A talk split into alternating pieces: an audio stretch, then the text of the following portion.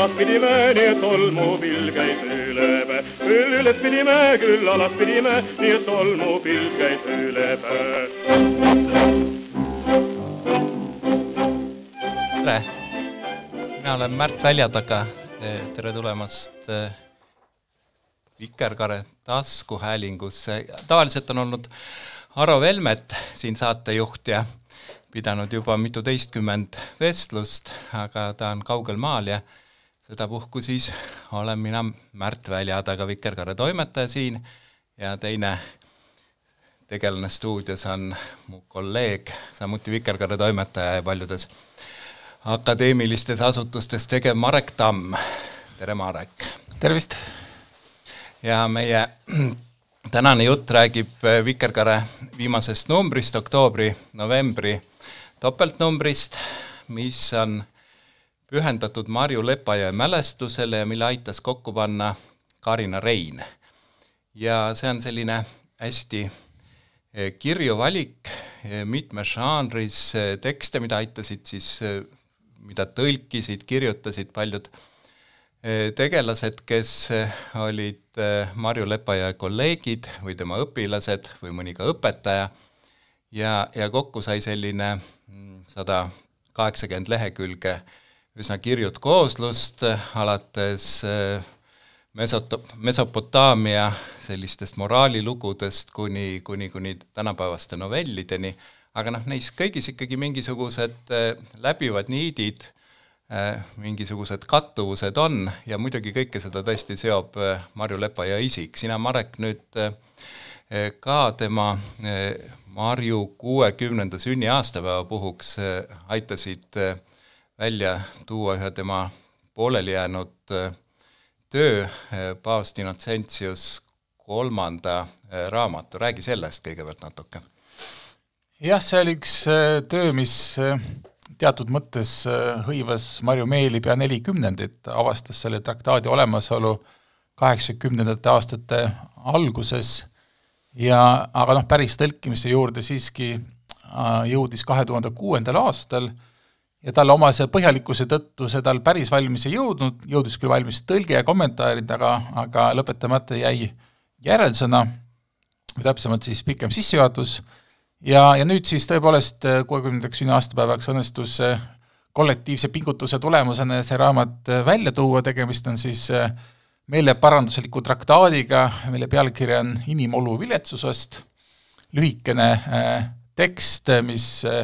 püüab siis meile silme ette manada elu, inimelu tühisust ja, ja vaevalisust ja ka trööstitud äh, lõppu.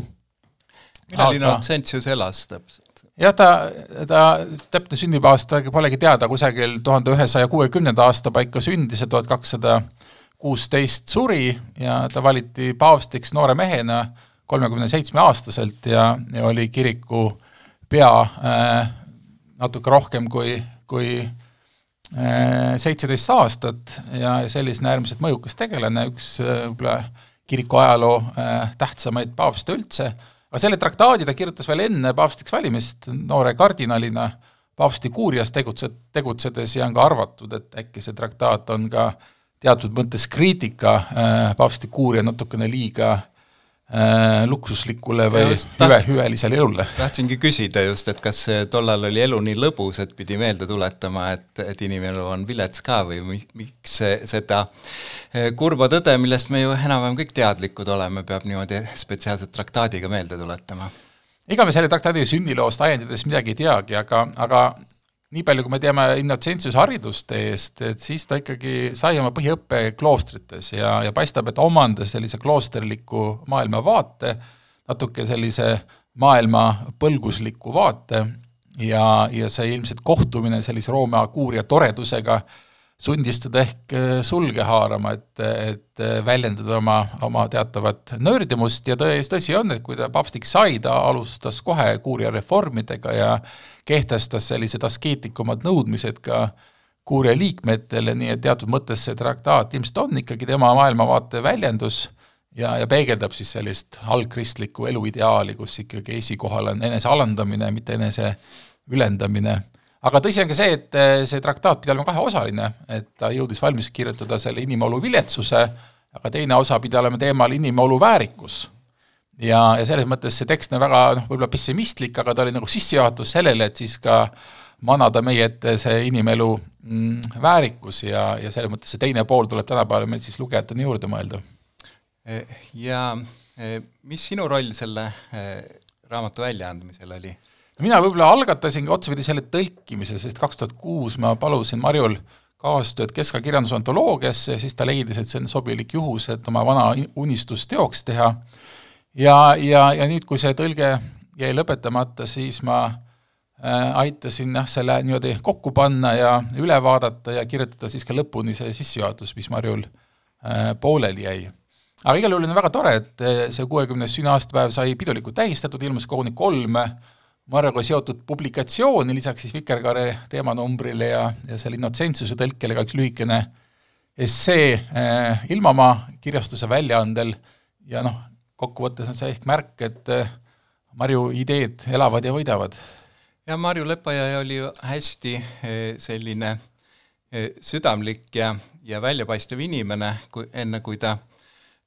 liiga vara suri viiekümne kaheksa aastaselt, ta jõudis juba vähehaaval saavutada sellist laiemat ühiskondlikku tuntust ja kandepinda ja hakata arvamusliidriks ja, ja esineda siin ja seal, aga aga noh, pikki aastaid ta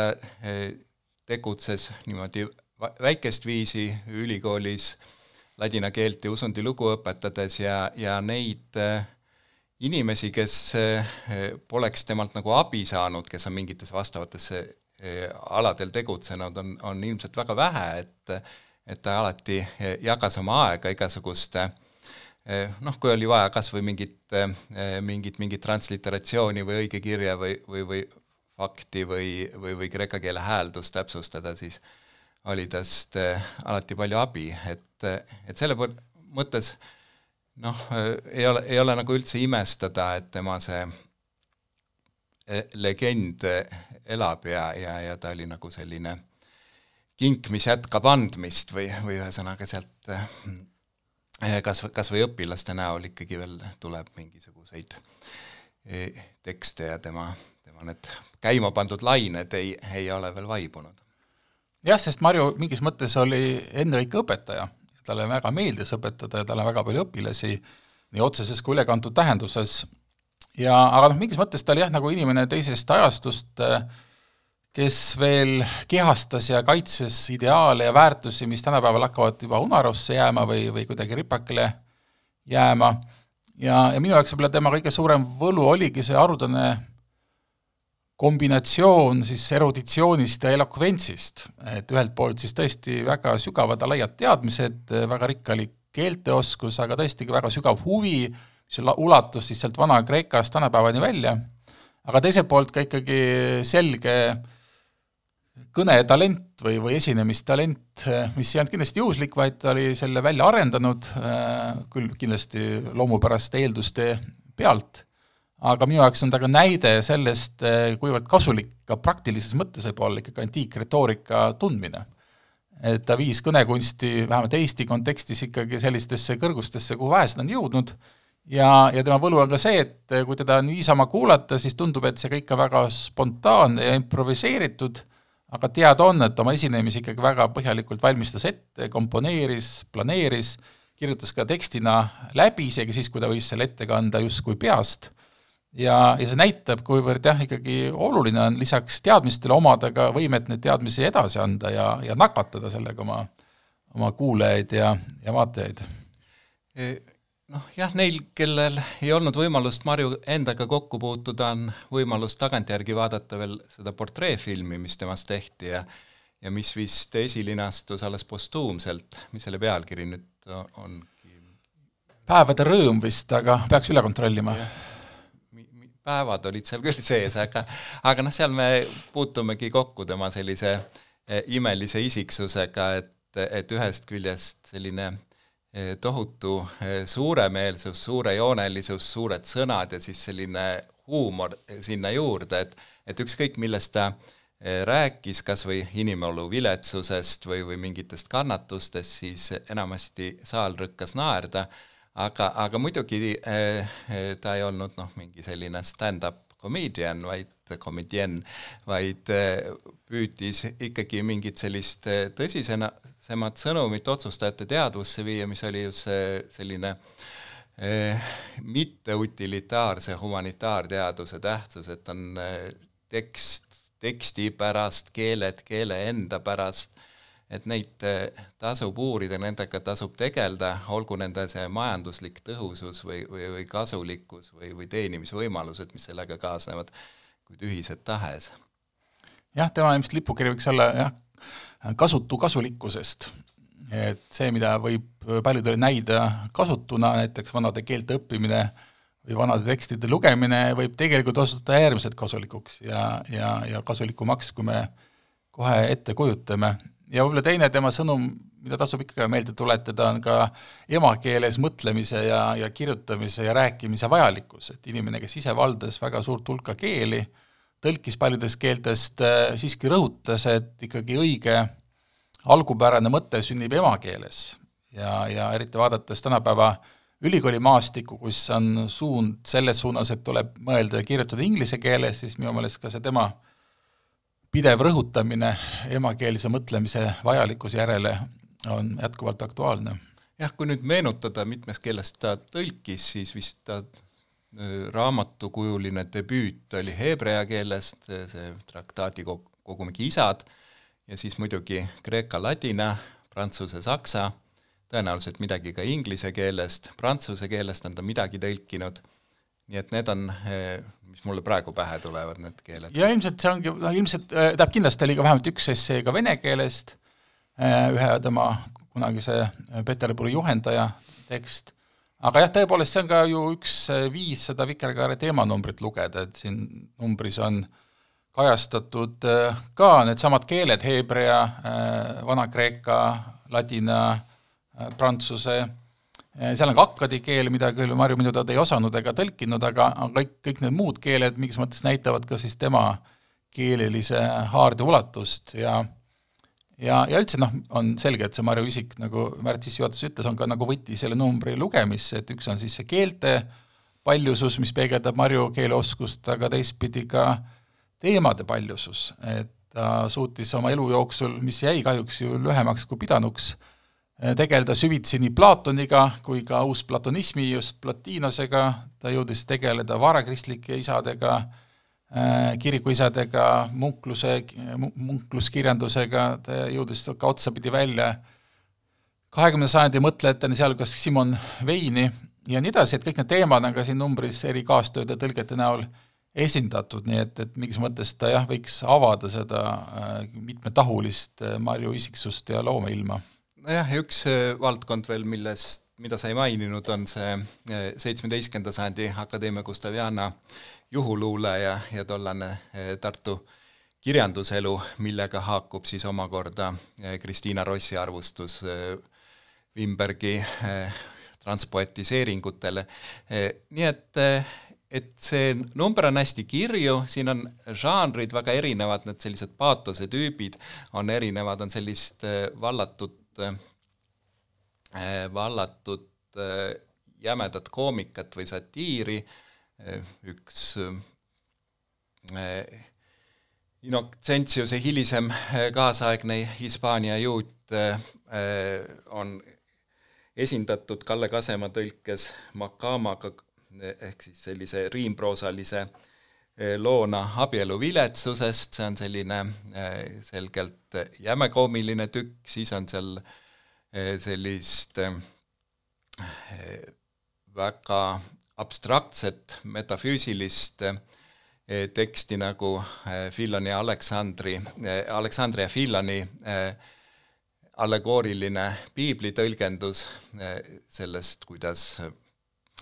see, et nagu Moosesel on öeldud, et ju-, Jumal lõi maailma kuue päevaga, ei tähenda üldsegi, et, et need päevad oleksid päris päevad, vaid vaid tegelikult tuleb kõike võtta allegooriliselt eh, selle järgi, et, et arv kuues eh, kajastuvad mingid eh, peened arvulised suhted, nii et, et noh, see nii hästi geograafiliselt kui ka temaatiliselt on, on valdkond väga lai, aga aga noh, mitte nagu halvas mõttes eklektiline, sest, sest nagu iga tekst juhib teise juurde ja, ja, ja siin me jõuame jah, sellisest arhailisest Kreeka lüürikast kuni siis mm, tänapäeva käs-, käsitlusteni, noh, nagu sa ütlesid, Simon Weigel, kelle, kelle prantsuse juudi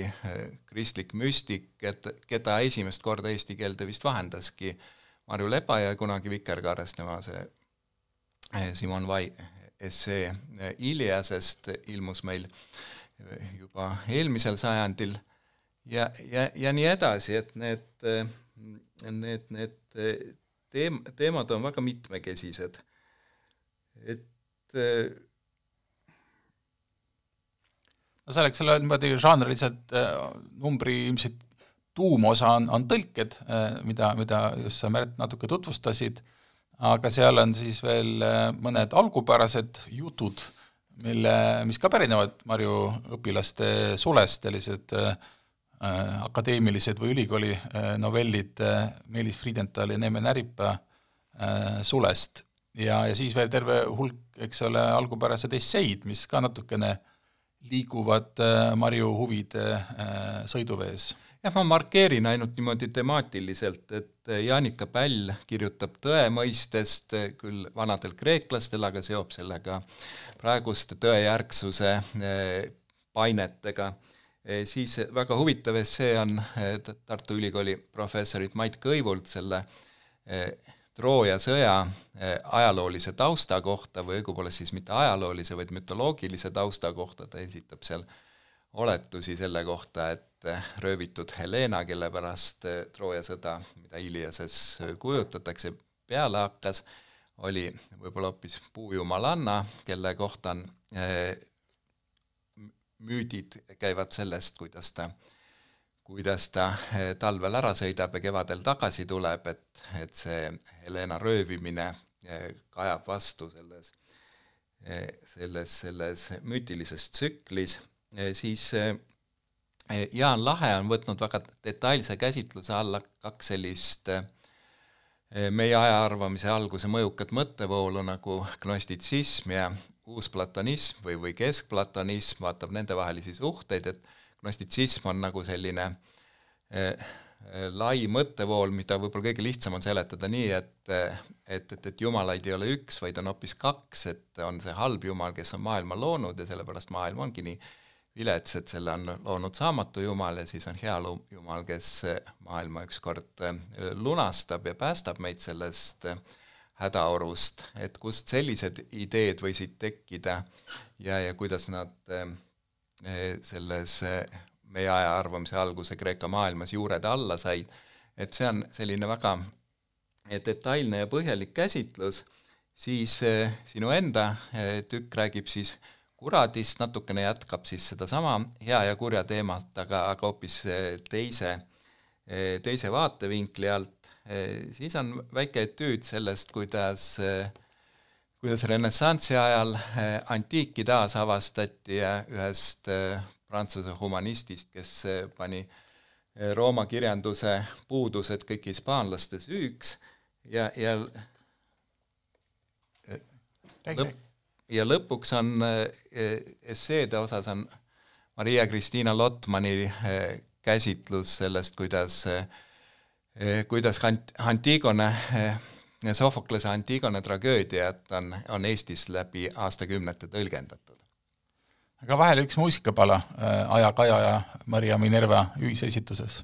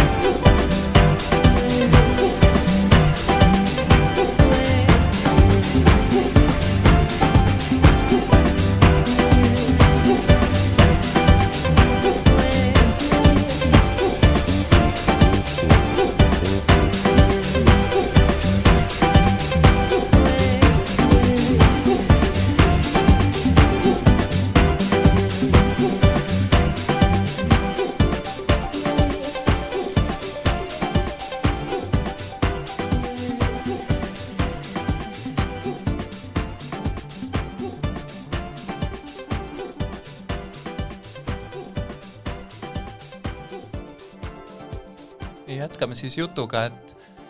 et nüüd liigub meie jutt sujuvalt kuradile, et ma loodan, et siin ei pea piiksu panema või võib eetris ikka kuradi kurat, kuradi kuradi kurat öelda, et, et sellest midagi ei ole. et nimelt eh, Marek on panustanud sellesse Vikerkaare oktoobri-novembri topeltnumbrisse essee kuradist, aga mitte niimoodi kuradist üldiselt, vaid, vaid üsna spetsiifilisest aspektist. essee pealkiri on Kuradi kodustamine kolmeteistkümnenda sajandi Euroopas. et eh, kas enne seda siis eh, kurat oli nagu mingi metsloom ja kolmeteistkümnendal sajandil ta kodustati või, või räägi natukene oma selle essee põhipunktid lahti jah, see põhiiva on tõesti peidetud sinna pealkirja, ehk et minu väide on, on tõepoolest see, et Euroopas toimusid kuradi kujutelmades olulised muutused kaheteistkümnenda sajandi lõpus, kolmeteistkümnenda sajandi esimesel poolel, ja need muutused on eeskätt siis seotud sellega, mida ma kokkuvõtlikult nimetan kuradi kodustamiseks, ehk teisisõnu see, kuidas selline hirmuäratav äh, enamasti kas, kas mitte rääkiv või, või, või pigem niisugust loomalikke hääletusi teev kurat muutub tasapisi selliseks üsna jutukaks ja ja, ja võiks öelda ka kristliku kiriku liitlaseks, kes äh, kuulutab tõde, paljastab patuseid, ennustab tulevikku ja, ja üha rohkem jah, muutub selliseks äh, tööriistaks kiriklikus äh, propagandas. Ja, ja eks võib arutada, mis on selle pöörde põhjused, aga mulle tundub küll jah, et üldisena võib väita, et, et kurat alates kolmeteistkümnendast sajandist ei ole enam see kurat, mis ta oli, oli, oli varakeskajal. Ja, ja nii, nagu ta ilmneb näiteks varakeskaja seal munkade või, või kõrbe eremiitide elulugudes ja kus ta oli ikka selline tõeliselt äh, julm, kaval, õel äh,, väga mitmeid vorme võttev olend, aga jah, kolmeteistkümnendal sajandil ta muutub selliseks natukene taltsaks ja isegi äh, kohati sõbralikuks tegelaseks. Ma siia stuudiosse tulles kohusetundlikult vaatasin Vikipeedia artiklit Saatan ja seal on ka ajalooliselt liigendatud, kus keskaja kohta mulle üllatuseks öeldi, et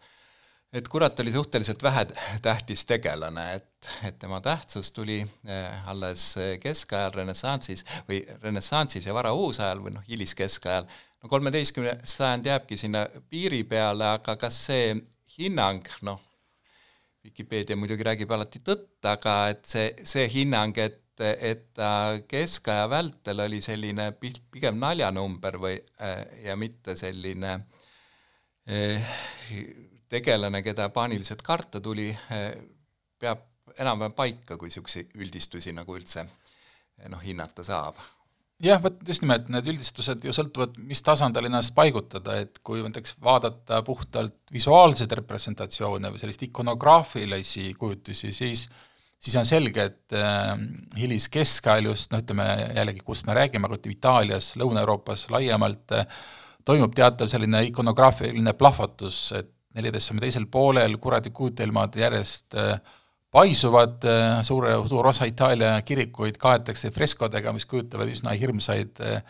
põrgupilte, kus siis saatan peremehetseb ja nii et jaa, ütleme siis visuaalkultuuris me näeme sellist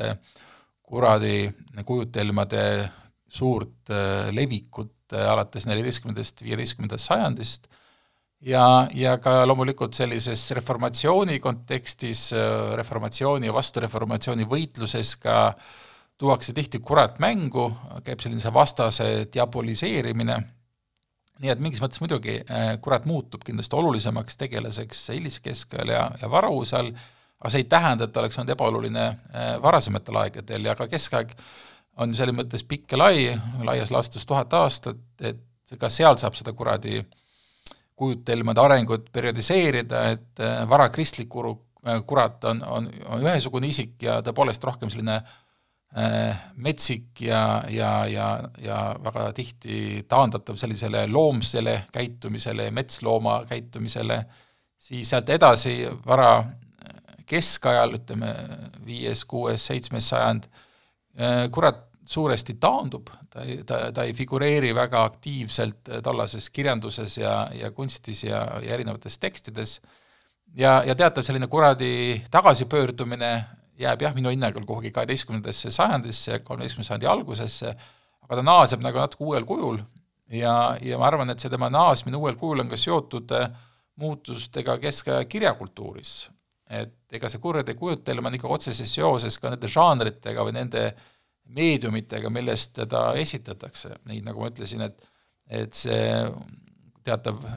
kuratlik plahvatus hiliskeskel Varusaal on seotud ka nagu kujutava kunsti plahvatusega, et mitte kunagi varem pole nii palju eh, religioosseid pilte tehtud, kui, kui jah, alates neljateistkümnendast sajandist. Äh, aga mis toimub kolmeteistkümnendal sajandil, toimub selline jutukirjanduse noh, plahvatus, et ilmuvad uued žanrid, sellised õpetlikud lood, eksemplid, millest noh, otsapidi kasvab hiljem välja novell ja, ja lühijutu žanr, vähemalt on teatav seos ja, ja just nendes eksemplites, nendes jutlustes, nendes õpetlikes lugudes, mis äh, niimoodi äh, liiguvad massiliselt üle Euroopa, seal on kurat tihti väga oluline tegelane. aga see on jah, teist tüüpi kurat, see on selline kurat, kes on, on jah, mingis mõttes nagu äh, kiriku abiline, kes siis propageerib kiriku uusi õpetusi, näiteks äh, pihikohustust, mis kolmeteistkümnenda sajandi alguses muudeti üle kristlas, üle kristlaskonna äh, kohustuslikuks vähemalt kord aastas, seesama paavst Innocentius, Innocentius kolmas oli, oli üks selle pihireformi eestvedajaid. Ja, ja jah, siis kurat rakendatakse selle pihipropaganda teenistusse. Äh,, aga samuti ta propageerib sellist õiget abielu ja, ja, ja, ja samuti kurat muutub väga oluliseks tegelaseks uue teispoolsus geograafia propageerimisel, et meenutame, seesama aeg, kaksteist, kolmteist sajand on, on üks teine murranguperiood, kus siis äh, Äh, paradiisi ja põrgu kõrvale tekib kolmas äh, nii-öelda teispoolsuspaik, puhastustuli ehk purgatoorium. ja, ja me näeme väga palju lugusid, kuidas kurat on siis üks neid, kes kinnitab purgatooriumis olemasolu. ja, ja, ja justkui siis jällegi aitab seda noh, uut kirikuõpetust äh, inimesteni viia ja, ja nii, et mine võta kinni, kas, kas siis, kui palju on seal taga selliseid äh, põhimõttelisi, ilmavaatelisi religioosseid muutusi ja kui palju on seal muutusi lihtsalt äh, kirjandusžanrites, laiemalt, eks ole, jutlustamise tähtsuses, retoorika tähtsuses äh, ja, ja nii edasi. jah, ega Vikerkaarel on ju selle kuradiga olnud juba ammune obsessioon, et äh, üks eelmisel sajandil ilmus üks seni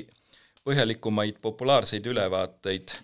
üheksakümne neljandal aastal eh, Ülo Valgu eh, Kurat Euroopa usundiloos sissejuhatus demonoloogiasse, eh, mis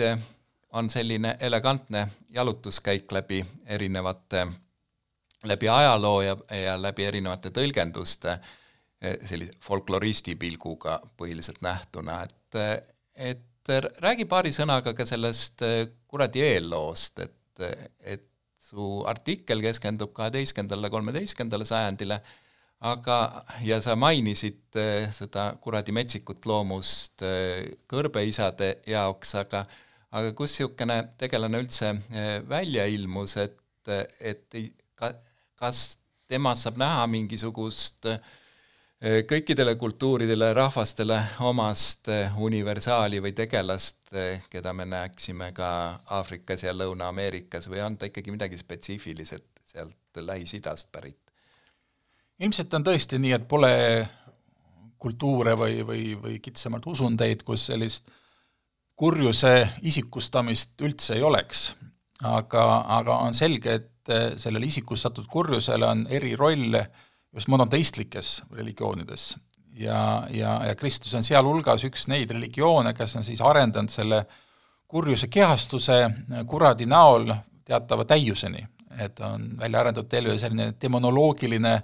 õpetuste süsteem ja väga palju õpetatud päid on siis püüdnud seda kuradit eh, kirjeldada, defineerida, tema rolli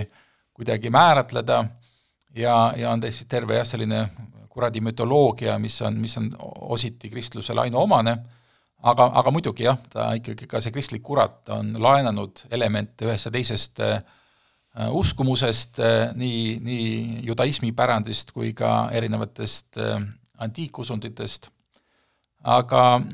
aga ma arvan jah, see kurat, nagu me temaga tänapäeval oleme harjunud kui me mõtleme, kes see kurat on, et, et see on ikkagi selgelt noh, kristlik algupära ja ja see Ülo Valgu raamat, mis oli vist esimene viimane Vikerkaare niimoodi kirjastuse väljaanne, et, et, et see on jah, annab siis sellise hea läbilõike üle mitme, mitme sajandi ja ühtlasi ka toob välja need võimalikud äh, kuradi kujutelmade niisugused äh, ajaloolised ja, ja, ja usundilised äh, juured. Ähm, mis on võib-olla huvitav, et tihti me eeldame vaikimisi, et kurat on ju noh, piibli ilmutus või et kurat on piibellik tegelane ja kristlus lihtsalt noh, võttis selle otse piiblist, aga aga need, kes on seda lähemalt uurinud, on tunnistanud, tegelikult kurat ei ole üldse nagu mingi selge karakter piiblis, et on küll erinevad niisugused ka noh, kuradi ilmumiskujud, just kui me räägime Uuest Testamendist, mis on kristlusele kõige olulisem, et seal kurat käib Jeesust kõrbes kiusamas ja nii edasi, aga siiski kuradi kohta on infot väga vähe, nii et, et varakristlike kirikuisade üks suuri ülesandeid oligi siis välja töötada kristlik kuradi õpetus või demonoloogia. Ja, ja on tõesti ridamisi traktaate, mis toona kirjutati, kus siis püüti sellele kuradile mingisugust sisu anda ja, ja mingisugust definitsiooni, nii et väikse liialdusega võib öelda, et ikkagi kurat ei ole mitte niivõrd noh, piiblitegelane, kuivõrd kirikuisade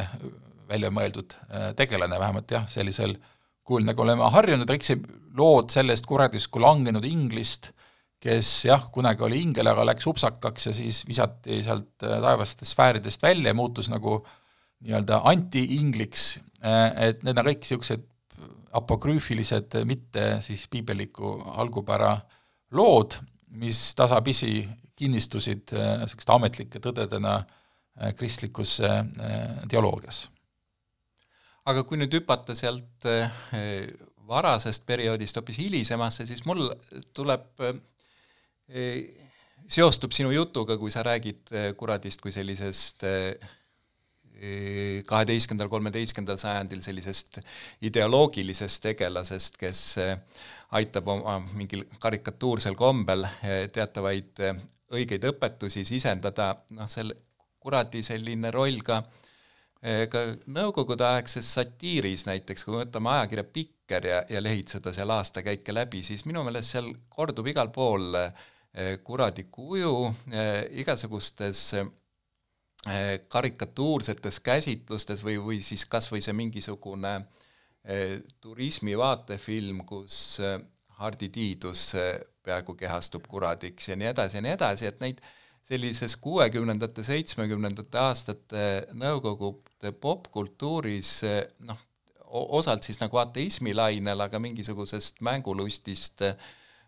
ka see kurat aktualiseeriti, kas see selle sa võiksid kellelegi üliõpilasele uurimisteemaks anda jah, ei, see on väga põnev seos, ma ei ole ise kunagi selle peale niimoodi mõelnud, aga ma arvan, et sul on õigus ja ja tõsi, et, et tõenäoliselt on ikkagi otseselt seotud niisuguse ateismi propagandaga, et laenati neid tegelaskujusid, selline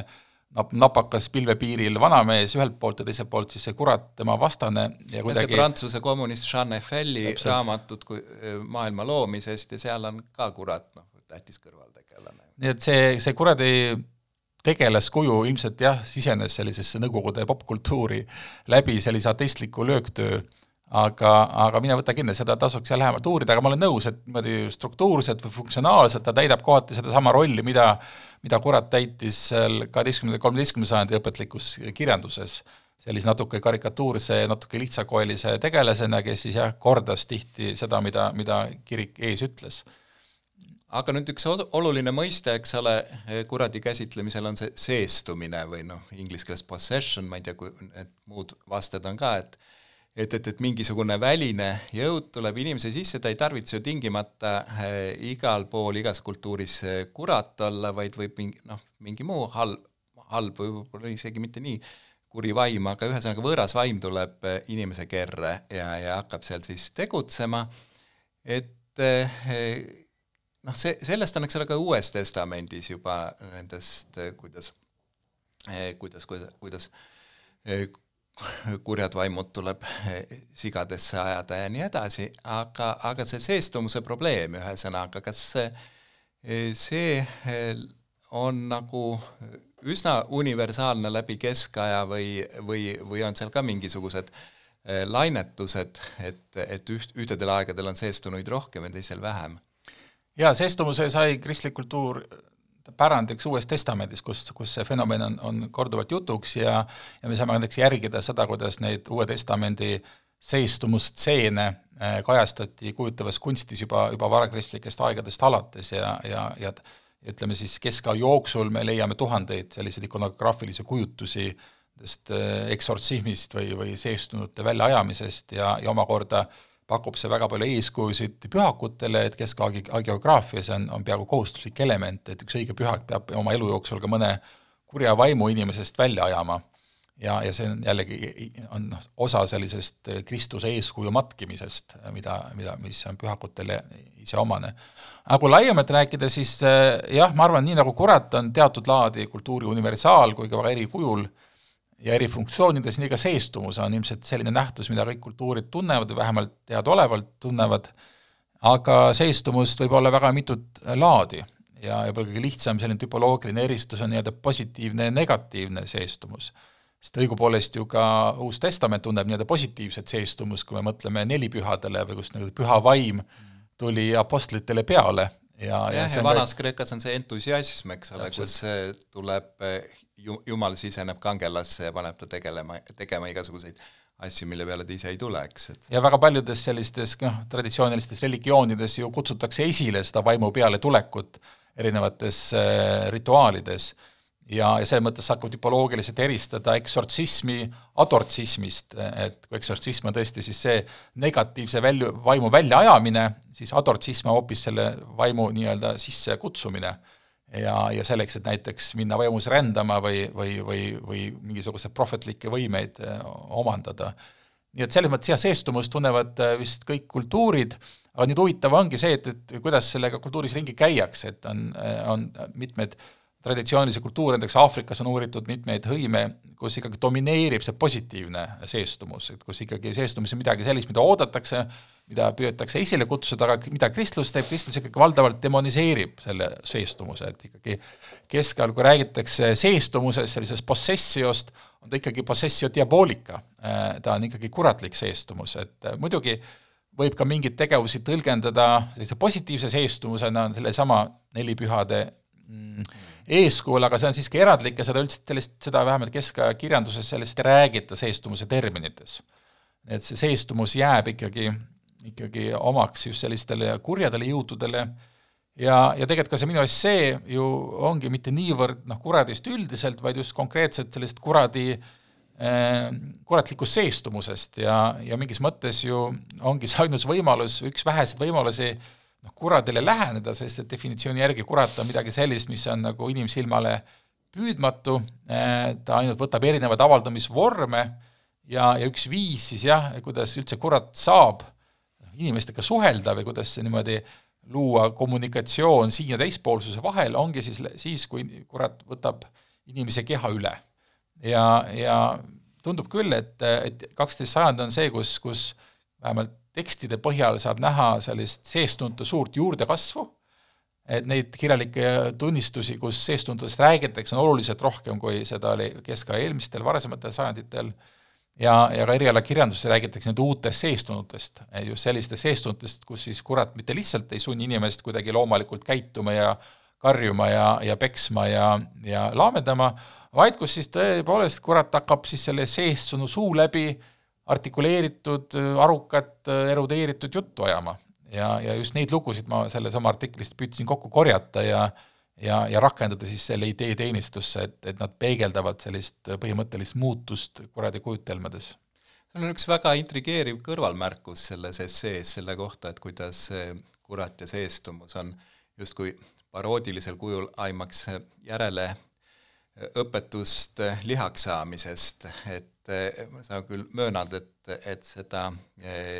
analoogiat on märgatud ja alati ketserlikuks tunnistatud, aga jah, teoloogiliselt on see väga ebakorrektne, aga, aga minu, mina tajun siin küll ikkagi sellist selget rööpsust, et ta on,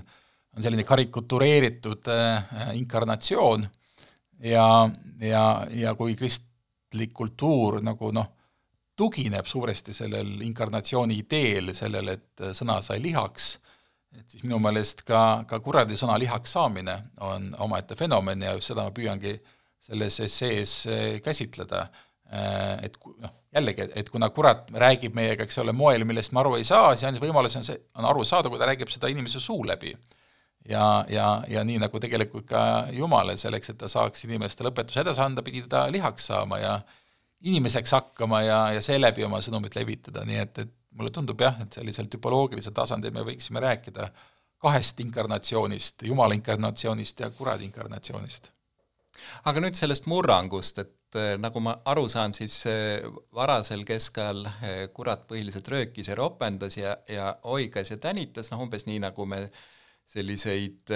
psühhoosis joodikuid näeme kuskil, kuskil Balti jaamas või, ja ja siis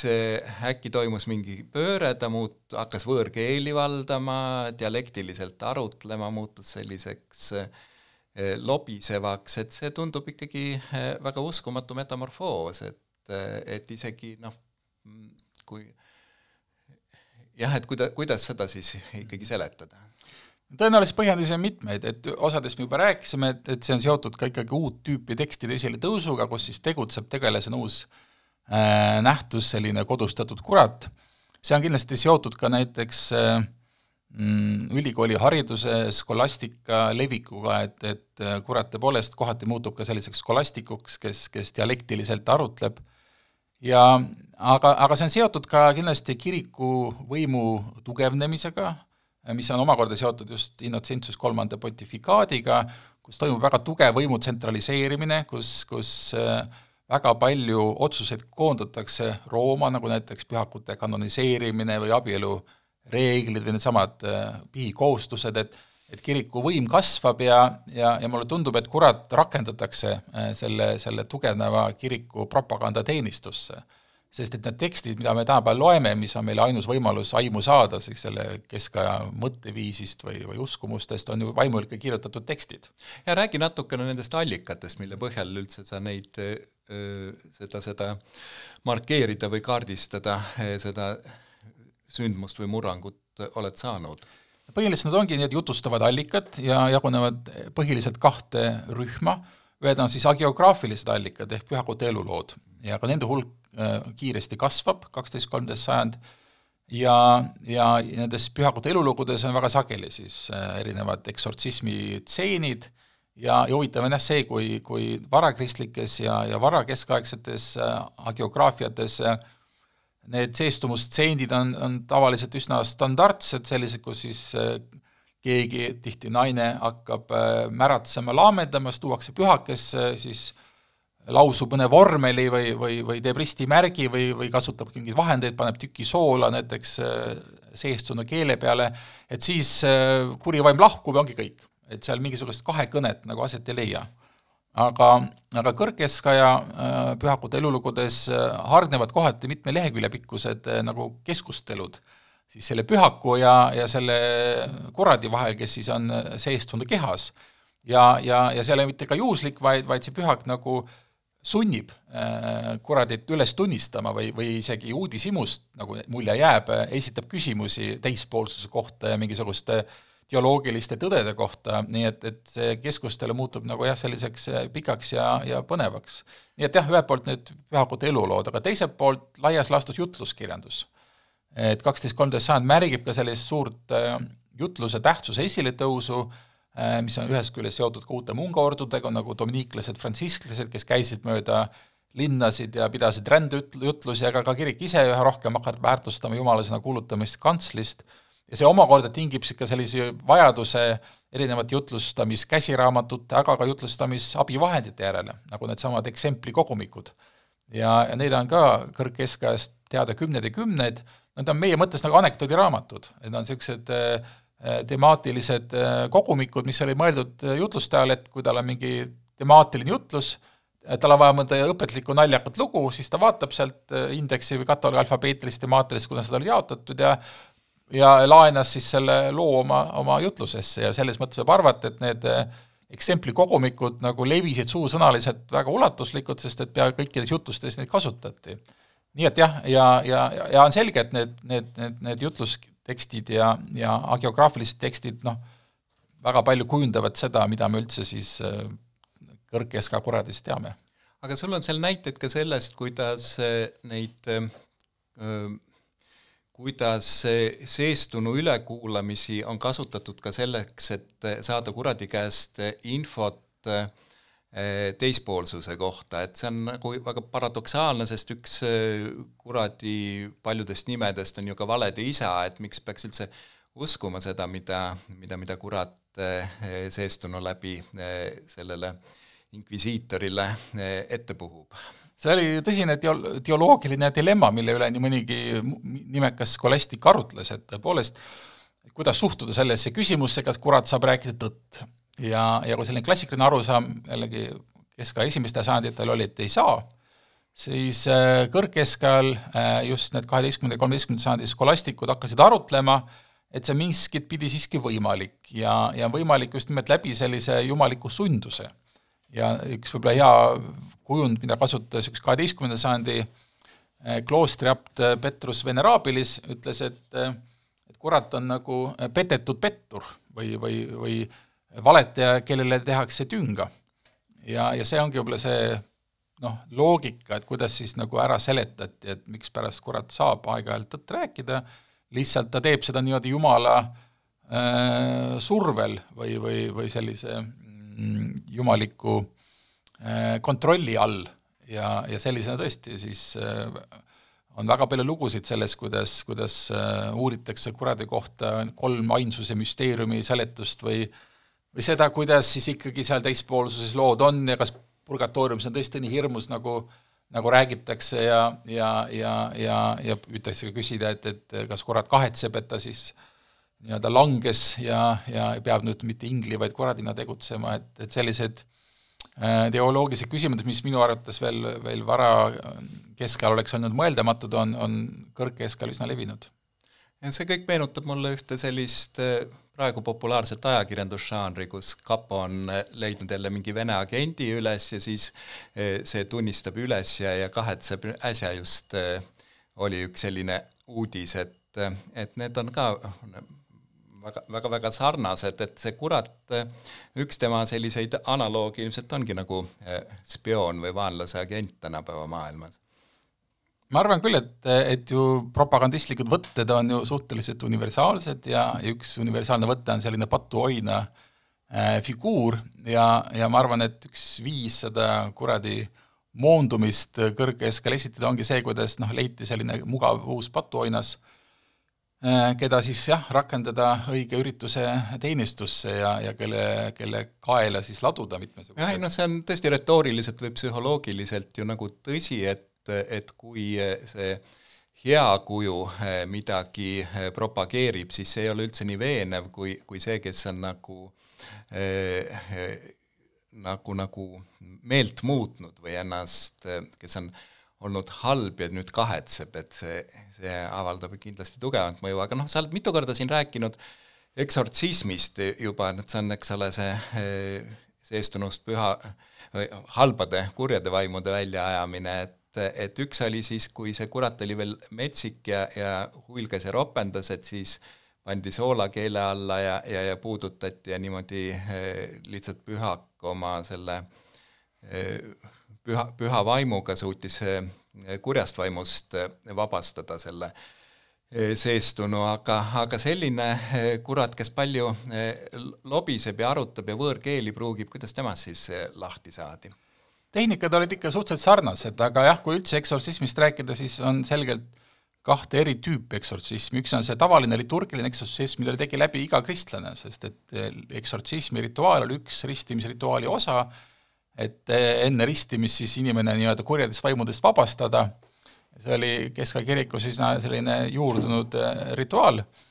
aga see pühakute eksortsism, mis on siis selline erakordne ja, ja siis, kus enam see tavaline liturgiline preestri läbi viidud eksortsism ei toiminud, et kurat osutus liiga suurt vastupanu, siis oli ikkagi lahenduse kutsume pühaku. ja, ja need pühakud, kes siis kutsuti, need eh, töötasid isikliku karisma peal. ja, ja väga tihti on ka nendes kahekõnedes näha, kuidas Äh, noh, teemon või kurat on väga uhke, et ta saab nüüd oma sellise tugevama vastasega rinda pista ja, ja, ja et üks teema, mis pole veel läbi käinud, et selle ühe kuradi uue kujutelma taga on ka kuratlik iroonia. ja me näeme nendes eksortsismi rituaalides, kuidas siis kurat hakkab äh, seda pühakut kuidagi nagu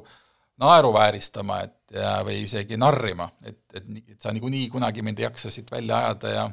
ja, ja, ja kuidagi see tekib selline jah, huvitav ka hu humooriline mõõde sellesse kuradi kõnesse. aga, aga lõpuks ikkagi need toimivad tehnikad olid, olid äh, palved, äh, liturgilised vormelid ja ka mõningad sellised püha veega piserdamised ja, ja muud sellised äh, klassikalised eksortsistlikud äh, võtted, millele siis lisandus lihtsalt see pühakusiklik äh, vägi, mis võimendas neid. aga kas sellise äh, lobiseva kuradiga siis äh, see,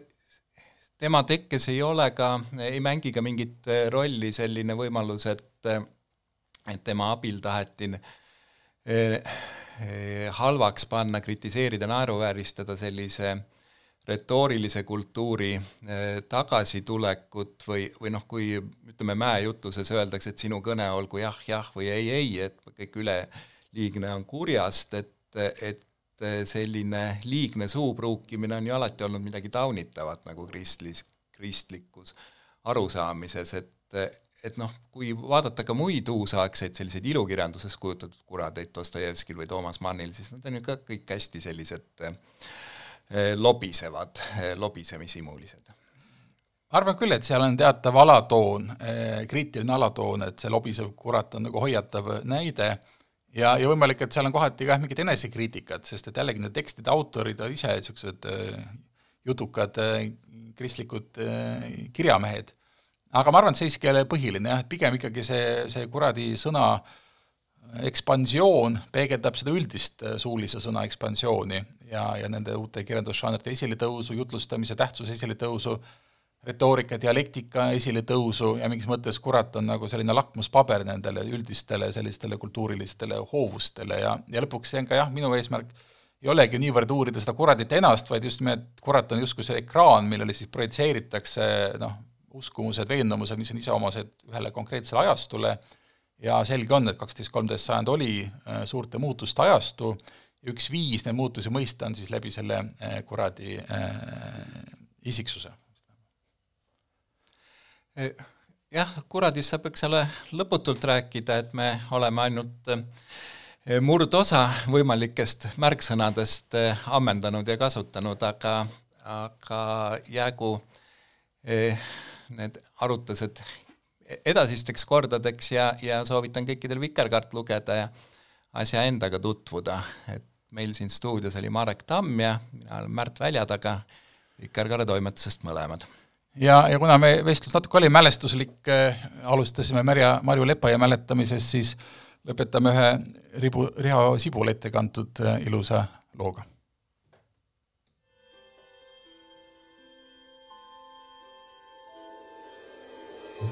siin üle tühel maal.